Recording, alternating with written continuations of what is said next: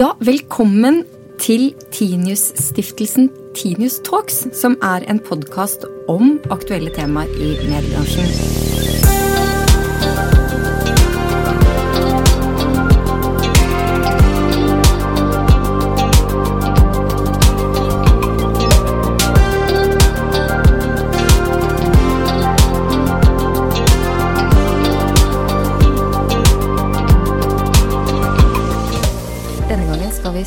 Om forskjellene og likhetene mellom Norge og Sverige, og da spesifikt mellom den norske og den svenske mediebransjen. Og med meg for å snakke om det har jeg Randi Øgrei, som er administrerende direktør i Mediebedriftenes Landsforening, og Jeanette Gustavsdatter, som er direktør i Tidningsutgiverne. TU. Og jeg heter Kjersti Løken Stavrum og er direktør i stiftelsen Tinius. Og så skal jeg legge til at vi sitter alle tre i samme styre i et nettverk som jobber for etisk journalistikk over hele verden, som heter Ethical Journalism Network. Så har vi avklart det. Randi, hva, slik du ser det, er de største forskjellene mellom den norske og den svenske mediebransjen?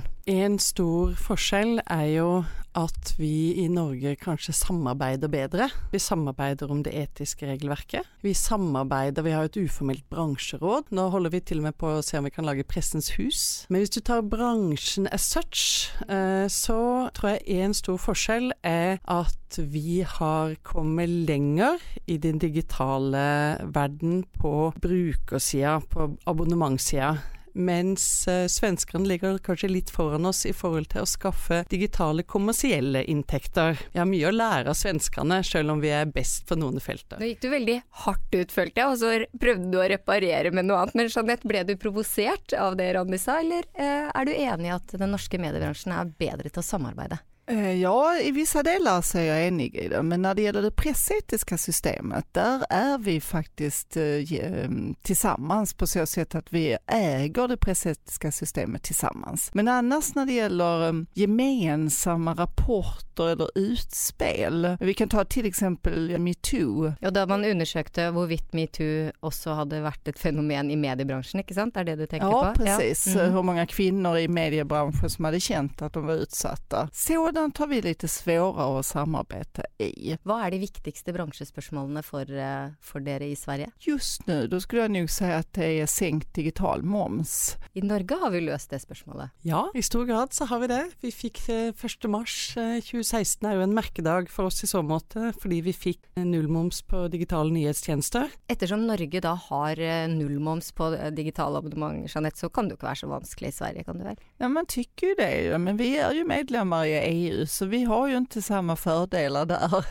Och det kan man ju fråga, det kan man ju ibland fundera på hur klokt det var, framförallt när det gäller i de här frågorna. En ting som jeg vet at dere begge har eh, eh, felles, eller en sak som dere begge er opptatt av, er jo det vi kaller public service, eller Sveriges Televisjon eller NRK. Eh, samarbeider dere i den saken? Svensk televisjon skal forholde seg hovedsakelig til lyd og bilde. Og det er jo en seier som Jeanette. Hun er en veldig god eh, lobbyist. Men vad har du gjort i Sverige som har fått Sveriges Television att begränsa sig? Ja, än så länge har vi ju inte riktigt sett att det har blivit så. Man hade ju en parlamentarisk utredning eh, för att se hur pass mycket konkurrerar de när de befinner sig på den digitala marknaden. Så länge de har ett uppdrag att de ska göra television och de ska göra radio eh, så är det det de ska hålla sig till. Om man får pengar från staten så ska man inte heller konkurrera ut de som måste eh, tjäna in till sina pengar idag. Mm. I vilken grad ville det då hjälpa den privata delen av mediebranschen Ehm, eh, at, man, at NRK f.eks. hadde skrevet mindre, hvis det nå i framtiden egentlig er levende bilder vi konkurrerer på? I hvert fall opplyser våre medlemmer at de hører at når NRK legger ut så mye tekstbasert innhold som de gjør, gratis, så oppgir flere det som en grunn til hvorfor de ikke tegner abonnement. Det er jo noen som sa til meg hvis du skal fortelle historien om NRK eh, og de private mediene, så må du fortelle folk hva de mister. Og det er jo det de risikerer å miste, er jo god lokal journalistikk fordi man ikke har ressurser til å finansiere det lokalt. Eh, og så er det selvsagt ikke bare NRK. altså vi har, jeg tenker, vi har Tre utfordringer vi har, minst. Men det ene er jo balansen i markedet mellom eh, broadcasting og eh, de private mediehusene. Det andre er jo plattformene sin rolle. Da tenker du på eh, Google og Facebook? Ja, Google, Facebook, Amazon mm. kommer jo som en kule nå. Eh, og Netflix også. Eh, og så har jo vi også i Norge en utfordring når det gjelder distribusjon. Ja, for Jeanette har også rett og slett klart å få politikerne til å lytte, men det har ikke dere? Nei, vi må jobbe mer med det. Det handler jo ikke om at vi ikke ønsker sterke allmennkringkastere. Tvert imot, vi mener det er kjempeviktig i markedet å ha sterke allmennkringkastere i både Norge, Sverige og Danmark.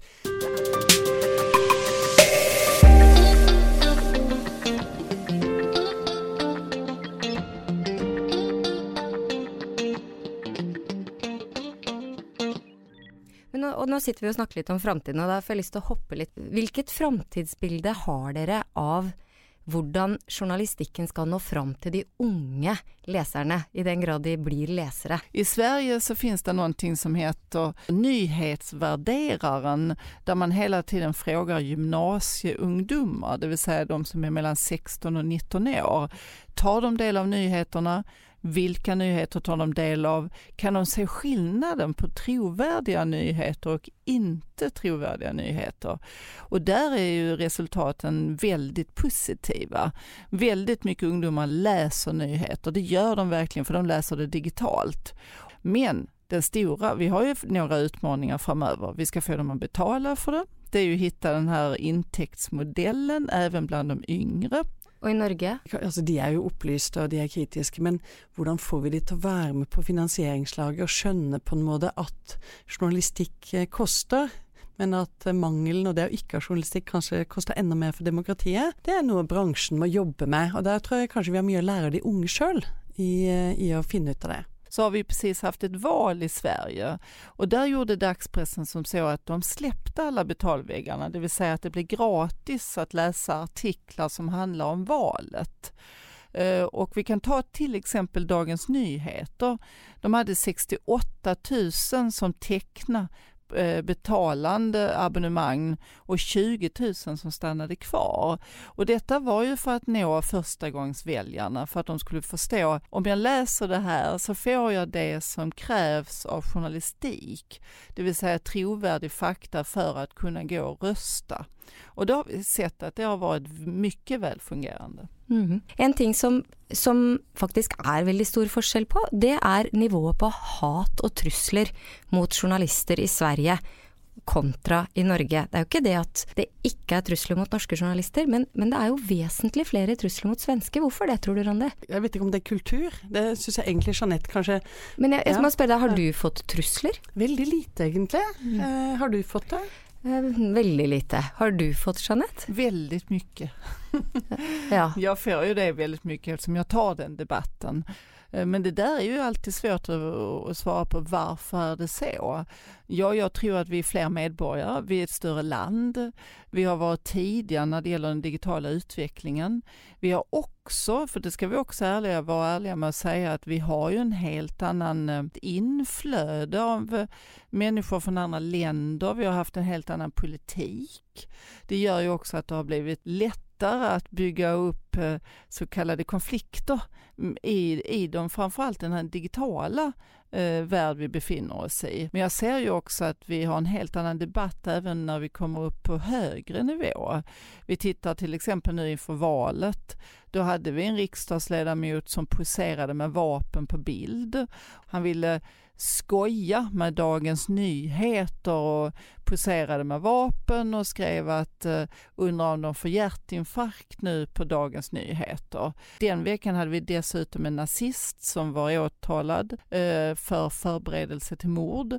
Han hade granskat i detalj två ledande journalister i Sverige och eh, hade mycket vapen i sitt bostad. Just den veckan gick den här riksdagsledamoten ut och skojade med vapen på bild. Eh, och då när vi gick ut och sa att det här är verkligen inte okej, okay, det här är inte roligt. Då fick jag personligen så mycket hat riktat mot mig så att Twitter journalister hörde av sig för att fråga om jag behövde hjälp. Eh, och där ser man ju liksom hur debattklimatet är. Och det var dessutom andra politiker som gick ut till hans försvar, dock väldigt få ska jag säga. Men det var ändå andra som gick ut, bland annat före detta försvarsministern i Sverige, eh, som sa att ja men det här är, det var bara på skoj. Så vi börjar få någon form av trumpifiering mot medierna i Sverige och eh, även enskilda människor då som eh, skickar mejl eller sms-hot eller annat. Så statistiken bland journalister som upplever sig hotade eller som börjar göra självcensur, det vill säga att man undviker att skriva om vissa saker, den är ju ganska hög idag och det är ju oerhört sorgligt att se att vi har den utvecklingen. En del av diskussionen, och den är ju väldigt stor så vi kan inte gå helt in på det, men en del av diskussionen går ju på att man menar att svenska medier har sviktet och inte evnet att ta upp i sig diskussioner och debatter som är kontroversiella, f.eks. exempel om integration, som folk, som många folk är opptatt av. Vad tänker du om det, Jeanette? Jag skulle säga som så här att trovärdighet är ju något man förtjänar. Så när man inte har stämpeln trovärdig, då måste man ju ställa sig frågan varför har vi inte det? Jag tror dock att det har hjälpt till att vi har eh, Amerikas president som har förklarat krig mot medierna. Det har påverkat medieklimatet. Men det är inte heller det enkla, utan det kan också vara som så att vi har en lång tradition av pressetik i Sverige. Det gör nog att vi har blivit lite, hur ska jag säga, lite självgoda. Alltså medierna har blivit lite självgoda. Vi har inte förstått vikten att förklara varför vi publicerar på ett visst sätt och varför vi inte publicerar på ett annat sätt. Vad betyder hets mot folkgrupp till exempel? Varför publicerar man inte etnisk härkomst på den som har gjort ett brott? Jo, för att det är brottet som är det viktiga, inte vem som har gjort det. Och där har vi varit alldeles eh, för självgoda genom att vi har tagit det för självklart att alla visste detta. Sen kom det digitala samhället och det kom så snabbt och där var inte vi med och det kanske är just för att vi har världens äldsta system. Vi blev lite för långsamma. Men norska medier är ju mycket mer öppna på dessa punkter, det är det bra? Vi har jo en litt annen tradisjon, eh, men det som jeg syns er bra, som jeg syns mange av mediehusene i Norge er blitt gode til, er att å begrunne når man gjør ting. Eh, så er man eh, lite litt tydelig på derfor publiserer vi dette, derfor offentliggjør vi dette. Og jeg tror det, det som kan skape hat og frustrasjon, er jo når folk gang på gang ikke kjenner seg igjen i de historiene vi formidler. Og Det er derfor jeg tenker også det er viktig å ha nok redaksjonelle ressurser til å kunne gå i dybdene, til å kunne grave fram stoff och till att kunna också svara brukarna. Det tror jag absolut. Jag tror att transparens är ledordet när det gäller de här frågorna. Det är nästan ibland så jag tänker att vi ska vara tydliga med vem är det som hotar och hatar? För de är ju faktiskt ganska få, men de ställer till med oerhört mycket problem. Men sen så måste vi också syvende och sist, som man säger, vi är ju i olika länder. Vi är med i EU. Vi har haft helt andra öppna gränser. Vi är många fler medborgare och det gör ju också att vissa problem blir större, tror jag. Eh, men det som är väldigt positivt idag är ju att vi har en helt annan debatt om problemet och det tror jag är lösningen. Så att jag, eh, jag tycker nog att det är ändå, även om jag själv utsätts väldigt, eh, för mycket, väldigt mycket hot och hat, så tycker jag ändå att det är bättre bättre idag. Det är inte bara hat för att hatandets skull, utan de som hörs av sig idag, de vill ändå ha en dialog på ett annat sätt än tidigare. Och politikerna framförallt lyssnar ju också på ett helt annat sätt än tidigare. Vi ska gå in för landning, men jag tänkte jag skulle utfordra er. Om ni skulle liksom önskat er en, en sak eh, och en titel om mediebranschen liksom noen få år fram i tida, hva ville vært en kjempegod nyhet for mediebransjen som du gjerne skulle ha sett på trykk om noen år, Andi? Jeg ønsker jo på en måte en uh, norsk presse som er best i verden, og som leverer på det. Veldig idealistisk, men det er jo egentlig det jeg føler vi kjemper for hver dag, fordi vi tror så innmari på den jobben som gjøres. Du Jeanette, vad ville du gärna läst i rubriken? Ja, det är ju inte, jag, det är nästan så att jag säger att jag vill också att vi ska, att Sverige ska ha världens bästa journalistik. Så jag ser ju framför mig att nu eh, sänker eh, svenska staten den digitala momsen, fler betalande prenumeranter konsumenter för att man förstår att jag vill ha god journalistik. Jag vill ha levande lokaltidningar. Men då är det också att vi måste mm, stå på tå för att möta detta så att ja, Sverige bäst journalistik i världen och flest betalande läsare. Här hör jag kimen till en väldigt, väldigt god konkurrens. så Då ska jag säga tusen tack till Randi Øgreid och Jeanette Gustafsson.